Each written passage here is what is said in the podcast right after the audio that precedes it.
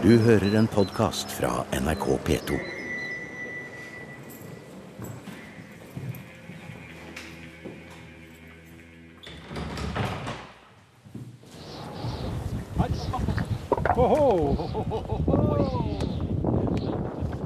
Sånn høres det ut når en manngard av arkeologer finner en 800-900 år gammel hestesko i steinura på nesten 2000 meters høyde.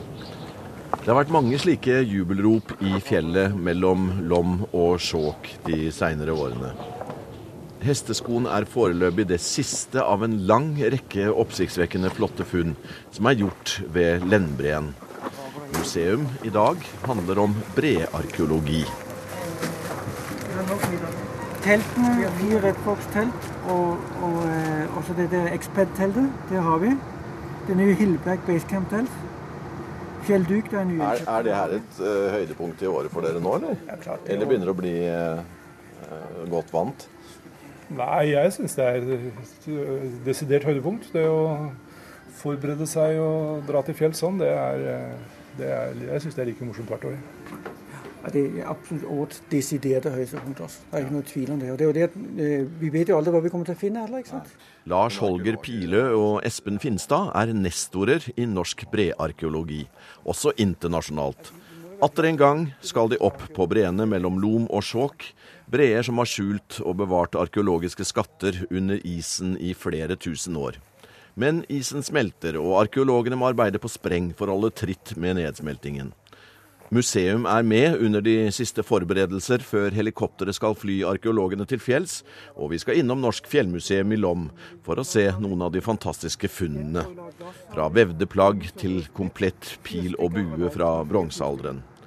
Hva er så kjennetegnet på brearkeologien, og når dukket den egentlig opp? Kniv, brødkniv har vi. Reimer, ducktape. Du har kontroll på kamera og utstyr. Fotomålestokk. Brearkeologi i Norge, de første funnene vi kjenner til, er jo øh, sikkert for, for i hvert fall en 100 år tilbake, men, men særlig på 1930-tallet så var det en varm periode. I hvert fall i Oppdalsfjella i Trøndelag så smelta det fram mye, mange pilskaft. Ja på, på, på 30-tallet som, som eh, eh, ble samla inn av lokalpersoner. Det var det da et fokus på der. Etter det så skjedde det virkelig ting rundt 2003 etter 2006. Da liksom ble vi først virkelig oppmerksom på det, i hvert fall her i Oppland. da. Men du kan jo også si at Øtzi, som ble funnet i 91 i Alpene, det er jo også for så vidt brearkeologi. Han har smelta ut. Så liksom, han er jo liksom kremfunnet, da. Ja. Det er vel et Øtzi-museum i Balsano. Det er det i i Nord- Nord-Italia. Nord dem... eh, Men har de mange andre funn, da, sånn som dere har her? Ja, altså I Alpene så har du noen lokaliteter. Ja. Eh, og det er knytta til ferdselsruter, alle sammen. At du har hatt eh, fjellpass da, som folk har gått over, med overbreer og, fonner i fjellpassene. Så det er primært knytta til, eh, til ferdselsruter. Vi har jo både altså veldig mye reinsjakt, men også særlig én lokalitet som er en ferdselsrute. Da. Og det, de funnene på disse ferdselsrutene, ferdselsrutene vi har, de skiller seg jo her er det veldig veldig mye forskjellig utstyr. Da. Ikke bare piler og, og sånn knytta til reinsjakt, men mye utstyr knytta til transport. Da. Det første brearkeologiske funnet jeg fikk inn, det var i 2003. Det var en skremmepinne fra Jotunheimen. En eh, kar som kom inn med det og fikk datert og så at det var ordentlig gammelt. da. Og Før det har det vært funnet ting på, på, i Breheimen her som jeg har vært kjent med gjennom lokale folk. Mm, eh, Så liksom begynte å snuse på dette feltet her. Og i 2006 var det jo kjempestor nedsmelting. Og da uh, dukka det opp mer, uh, bl.a. en bronsealdersko. Ja. Og eh, da tok vi et eh, Da var vi vel fire-fem arkeologer som satt av en par dager og dro til forskjellige fonner bare for å sjekke forholdene sjøl. Og da så vi at vanvittig mye materiale lå ute. Så vi tok jo bare med bitte lite grann og mer skaffa oss en oversikt og så at her måtte vi virkelig få satt i gang en storstelt eh, innsamling, da. Så- Fordi den, den første gjenstanden, skremmepinner, den er vel, det er vel det det er mest av i antall, tenker jeg? Ja da, det er det. Det er liksom massemateriale. Ja. Men det er også interessant å se tilbake på jeg tror det var på 70-tallet, ja, så kom det inn noen, nå ble det samla inn noen noe skremmepinner lokalt, som man også sendte en forespørsel om til, eh, til Museet Oslo. Om dette kunne være noe interessant. Eh, og da var vel konklusjonen at dette må være dyr i tid. Dette er jo så godt bevart, så dette kan neppe være arkeologisk interesse. Men det er det jo selvfølgelig. Men det viser jo også litt om, om hvor god bevaringsgraden er her. At man ja. var overbevist om at dette måtte være nyere ting. Ja. Skremmepinner ble brukt i forbindelse med jakt og ble satt i bakken med jevne mellomrom, slik at reinen oppfattet det som et stengsel. På den måten ble dyra ledet i den retning jegerne ville ha dem. Pinnene har som regel en treflis eller never festet til toppen, slik at de blafrer i vinden og skremmer reinen. Det er funnet hele lageret med slike pinner i fjellet. Gjenstandene kan være oppimot 2000 år gamle og skiller brearkeologi fra annen arkeologi, forteller Lars Holger Pile. De to store forskjellene er dels at funnene er så innmari godt eh, bevart. I forhold til hvis du finner f.eks. En, en pil eh, nede i lavlandet, i en grav eller noe sånt, så ja. kan du ruste jerndings. Ja. Du ser liksom den er gammel. Ja. Når du finner piler piler oppi isen, ja. Så finner du ikke lenger pilen, men du finner skaftet, og hvis du er heldig, så finner du også surringer. Og til og med fjøra bakpå pilen. Utrolig godt bevart. Så det er bevaringsforskjellen, rett og slett. Av organisk materiale? Ja, primært organisk. Ja. Den ene biten. Den andre biten er at, at uh, lokalitetene, funnstedene, er mye vanskeligere å forstå enn vanlige arkeologiske lokaliteter. Fordi isen noen ganger beveger seg, det renner vann der, det er ofte ganske bratt. Så funnene blir flytta på. Og det som De blir ofte nærmest, Jeg kaller det for en funngrøt, rett og slett. Altså, det ja. har kanskje opprinnelig vært et mønster eh, som har fortalt noe. Men uh, tingene flytter på, de havner kanskje i bunnen av isen. Og, og vi får redda gjenstandene, men å skjønne hvordan man f.eks. har jaktet på fonner, eller hvor ferdselsruta gikk, det kan være vanskelig. Fordi at man kan ikke ta funnet på sånne face value, på en måte. Du må prøve å skjønne hvilke prosesser det har vært for at de har havnet der hvor de har havnet. Ja. Museum er i Lom og Skjåk i Oppland. Fylkesarkeolog i Oppland, Lars Holger Pilø og kollega Espen Finstad forbereder høstens ekspedisjon til Lennbreen på Lomseggen, mellom Skjåk og Lom. Arkeologene Øystein Rønning Andersen og Tessa Darrow fra Canada er også med. Brearkeologi er et relativt nytt felt innen arkeologien, og mange av funnene vet man ikke engang hva er. Det er eh, særlig ferdselsruten over Lennbreen hvor det er gjort eh, spennende funn. En kan lure på om eh, det arbeidet og de funnene dere gjør, eh, eh, belyser annen arkeologi på, på hver side av fjellene i lavlandet. Har dere greid å begynne å sette dette sammen i et større bilde? Altså jeg kan gi deg et konkret eksempel på det. På Lendbreen så har vi funnet spor etter trafikk over fjellet gjennom lang tid. Gravfunnene fra dalene rundt ser ut til at de indikerer at bosetning her begynte på 600-700-tallet, og det har fortsatt fram til i dag. Men ferdselen over fjellet er at den begynner 400 år tidligere. Hva, hva, er, som, hva er årsaken til det? Og Da kan man begynne å lure på for eksempel, om det har noe å gjøre med at eh, vi ikke har funnet de eldste bosetningssporene, eller om det har hatt en annen funksjon i begynnelsen. Eller, så det, det kaster på det, Selv om du kommer helt ut i periferien, så kaster det et helt nytt lys over den, også historien i de mer sånn, sentrale områdene for bosetninger. Det, det, er litt rart på en måte du må helt ut i det ekstreme ytre for å finne ting som gjør at du får kaste helt nytt lys over ting i mer sentrale strøk. Det er jo også mest artig å tenke på da, at her, når du finner f.eks. En, en kjortel, da, helt klesplagg, ja. fra romertid, 1700 år gammel, altså ja. fra 300-tallet etter Kristus, ja. som Norges eldste klesplagg. Du må på en måte til ytterkanten av landet, på det øverste toppa, nærmest for å kle på forhistorien. Det er der det, er der det ligger igjen. Eh, bevart isen. Eh, ikke i de store gravhaugene her og ikke i graven, men Nei. det er helt oppe i det ytterste øde. Ja. Det er med å, på en måte, gi et helt nytt blikk på ikke minst på det materielle kulturen.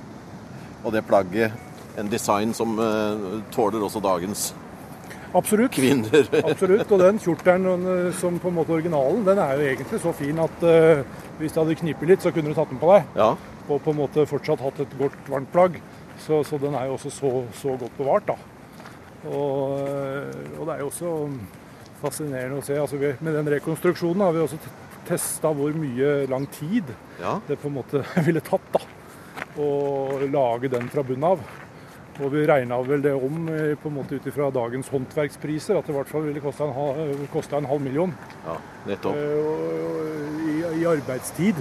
Ja, for Å kvaliteten lage på det den eh, alt ifra du skal, eh, fra du skal, eh, fra du skal plukke ulla, til du skal spinne, til du skal veve. Ja. Så vanvittig arbeid, krevende arbeidsprosess. Det tar utrolig lang tid. Det må jo ha vært et verdifullt plagg. Som, med så mye arbeid bak, og at på en måte sånne ting blir liggende igjen.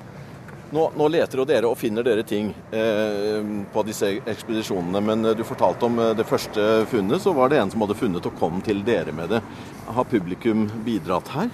Nei, her lokalt så vil jeg si at det har vært eh, sånn i oppstartsfasen er helt avgjørende. Altså både at er, vi har vært i hvert fall to-tre stykker som har vært veldig kulturhistorisk interessert, har vært mye i fjellet og har hatt øye for det. Og så på en måte de første funnene når de begynte å komme ut, og, og rapporterte til oss. Slik at vi har liksom sjekka opp det.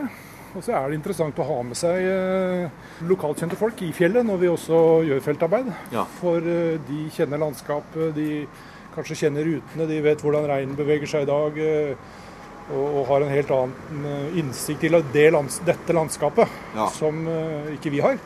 Og som gir oss verdifull informasjon. Og så, så det er den kombinasjonen av vår fagkunnskap og den lokalkjente kunnskapen ja. syns jeg er veldig viktig. Men fjellet har skjult på en stor hemmelighet. En hemmelighet som nå er i ferd med å avsløres. Mens ekspedisjonsmedlemmene handler mat og utstyr og sjekker pakklister for den åtte-ni dager lange ekspedisjonen, besøker vi Norsk fjellmuseum som ligger midt i sentrum av Lom. En ny brearkeologisk utstilling har vært et løft for museet, forteller daglig leder Mai Bakken. Vi merka en utgang oppgang på billettsalget. Det er her, og så er det på Kulturhistorisk museum i Oslo, at, at disse brearkeologiske gjenstandene er utstilt per i dag. da. Vil utstillingen bli utvida etter hvert, tror du? Etter hvert som man eventuelt finner mer? Ja, det vil det helt sikkert. Og så har vi en avtale som gjør at vi hele tida kan skifte ut eh, gjenstandene våre. Så eh, har vi noen gjenstander for en periode, kanskje et år eller to, og så skiftes ut noen av dem igjen. Og, den avtalen er utrolig viktig for oss. For at vi ønsker selvsagt at folk skal komme att. Ja. Det er jo andre land som også har breer, og som også smelter. Eh, Er er det noen andre? Ja da, det mest kjente er selvsagt eh, Øtzi-museet i Bolzano. Der har jeg vært, og det var artig.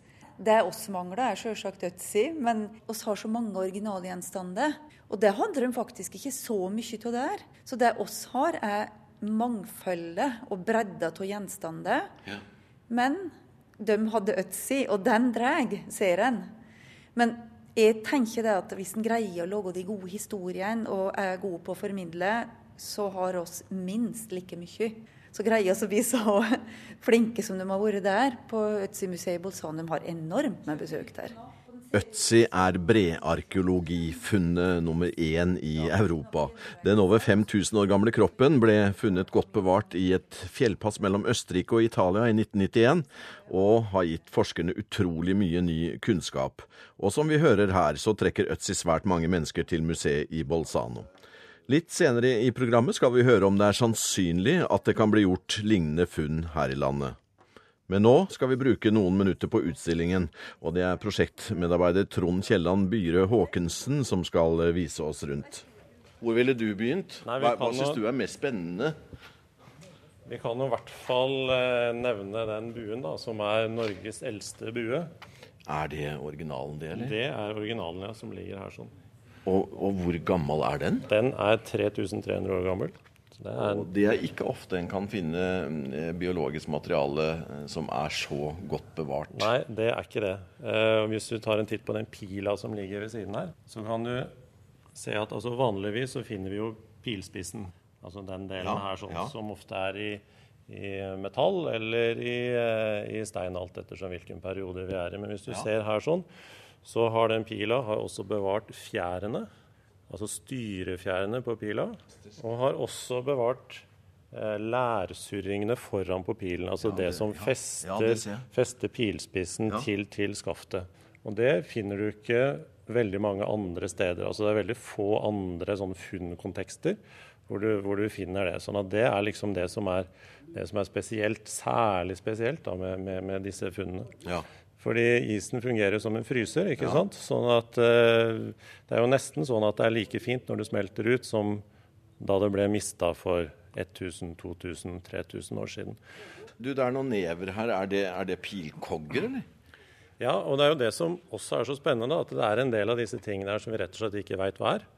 Dette er en, sånn, en av de gjenstandene som vi ikke vet helt hva er. Men hvis man, altså på Kulturhistorisk museum i Oslo, som har ansvar for alle disse gjenstandene, de bretta det ut. Og dette er et halvannet meter langt neverdekke som er i tre deler, som er festa sammen.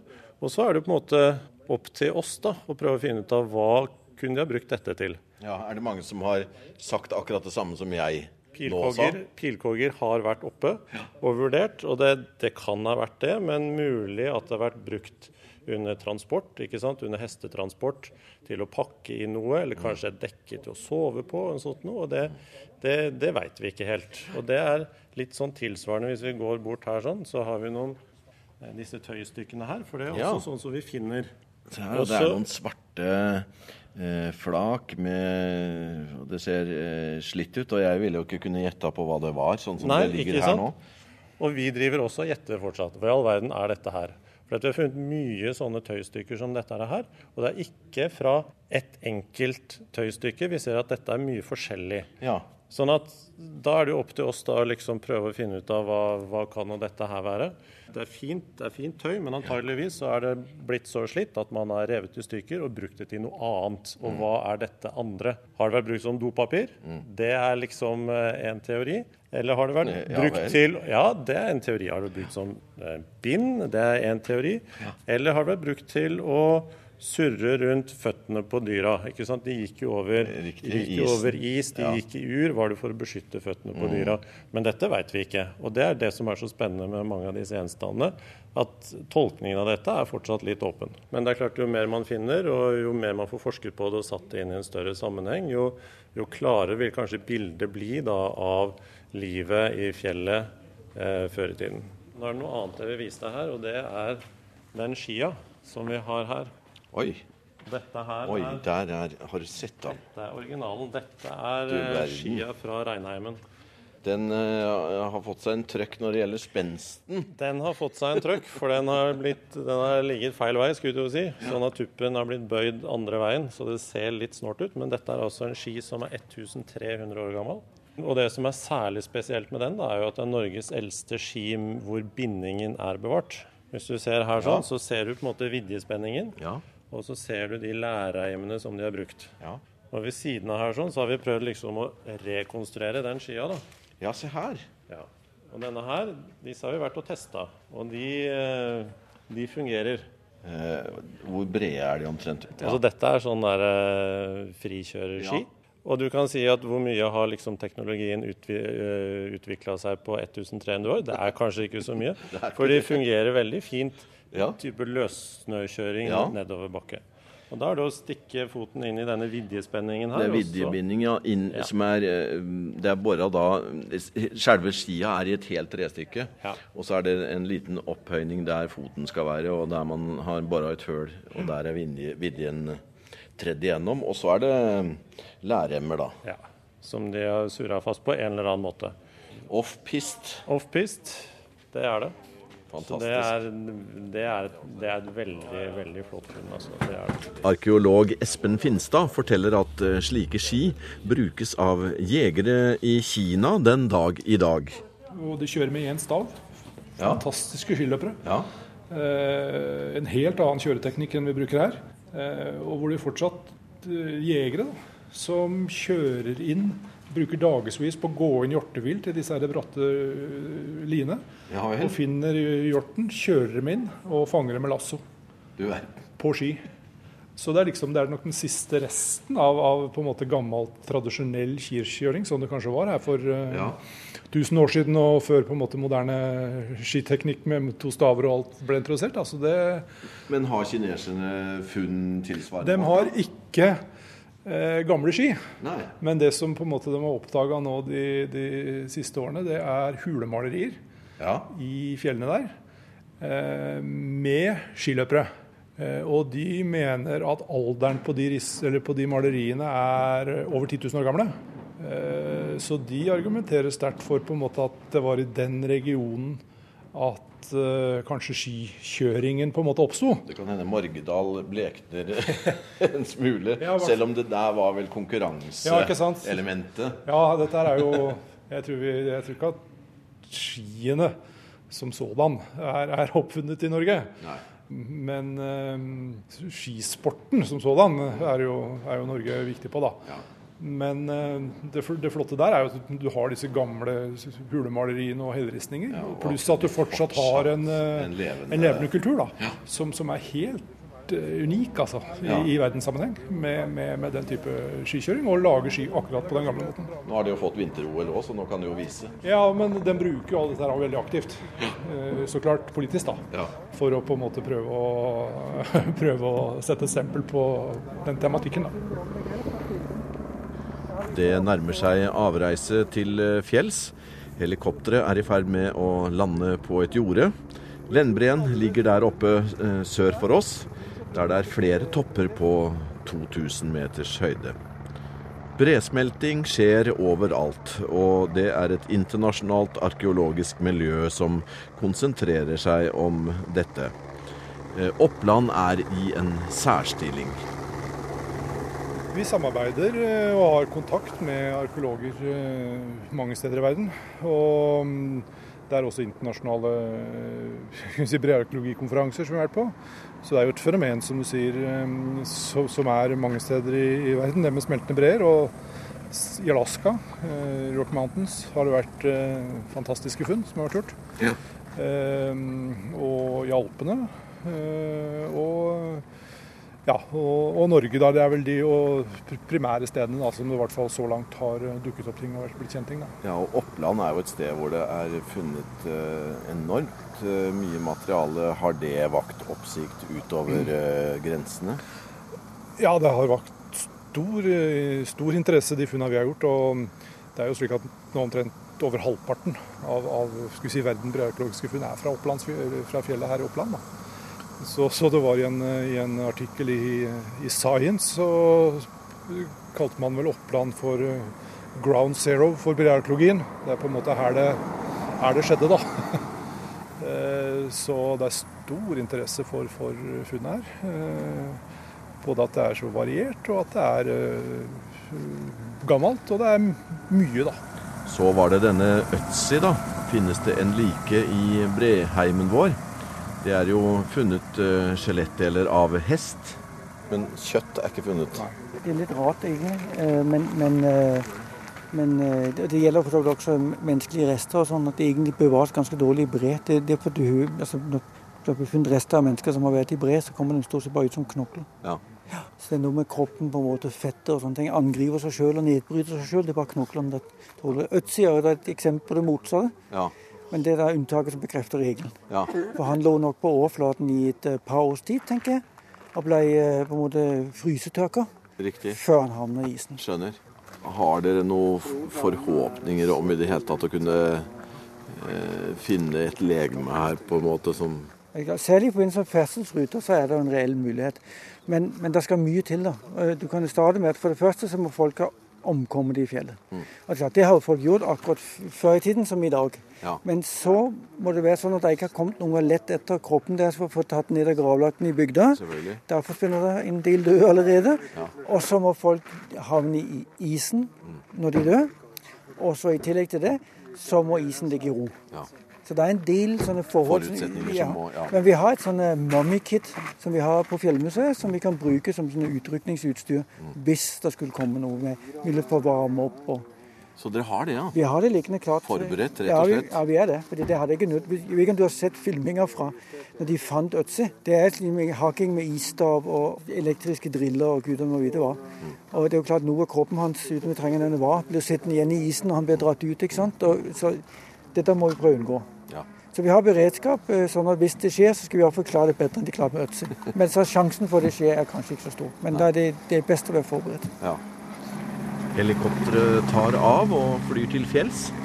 Og da er vi tilbake der vi startet eh, programmet, med arkeologenes eget opptak eh, da de fant en hestesko i steinura ved iskanten på Lennbreen. Det var kjentmann og hobbyarkeolog Hans Marstein som var den som eh, oppdaget hesteskoen først. Det var der den lå, ja. Det er den lå, vet du. Dette er en hestesko som tydeligvis har falt av hesten på vei over breen. Veldig godt bevart. Litt rusta igjen, men se på størrelsen. Den er ganske liten. Her er vi nok ja, på 1100-1200-tallet, kanskje. Kongefunn, for det er klart, den, den flytter ikke mye på seg pga. vekta. Så den viser her gikk det faktisk en hest for la oss si 800-900 år siden.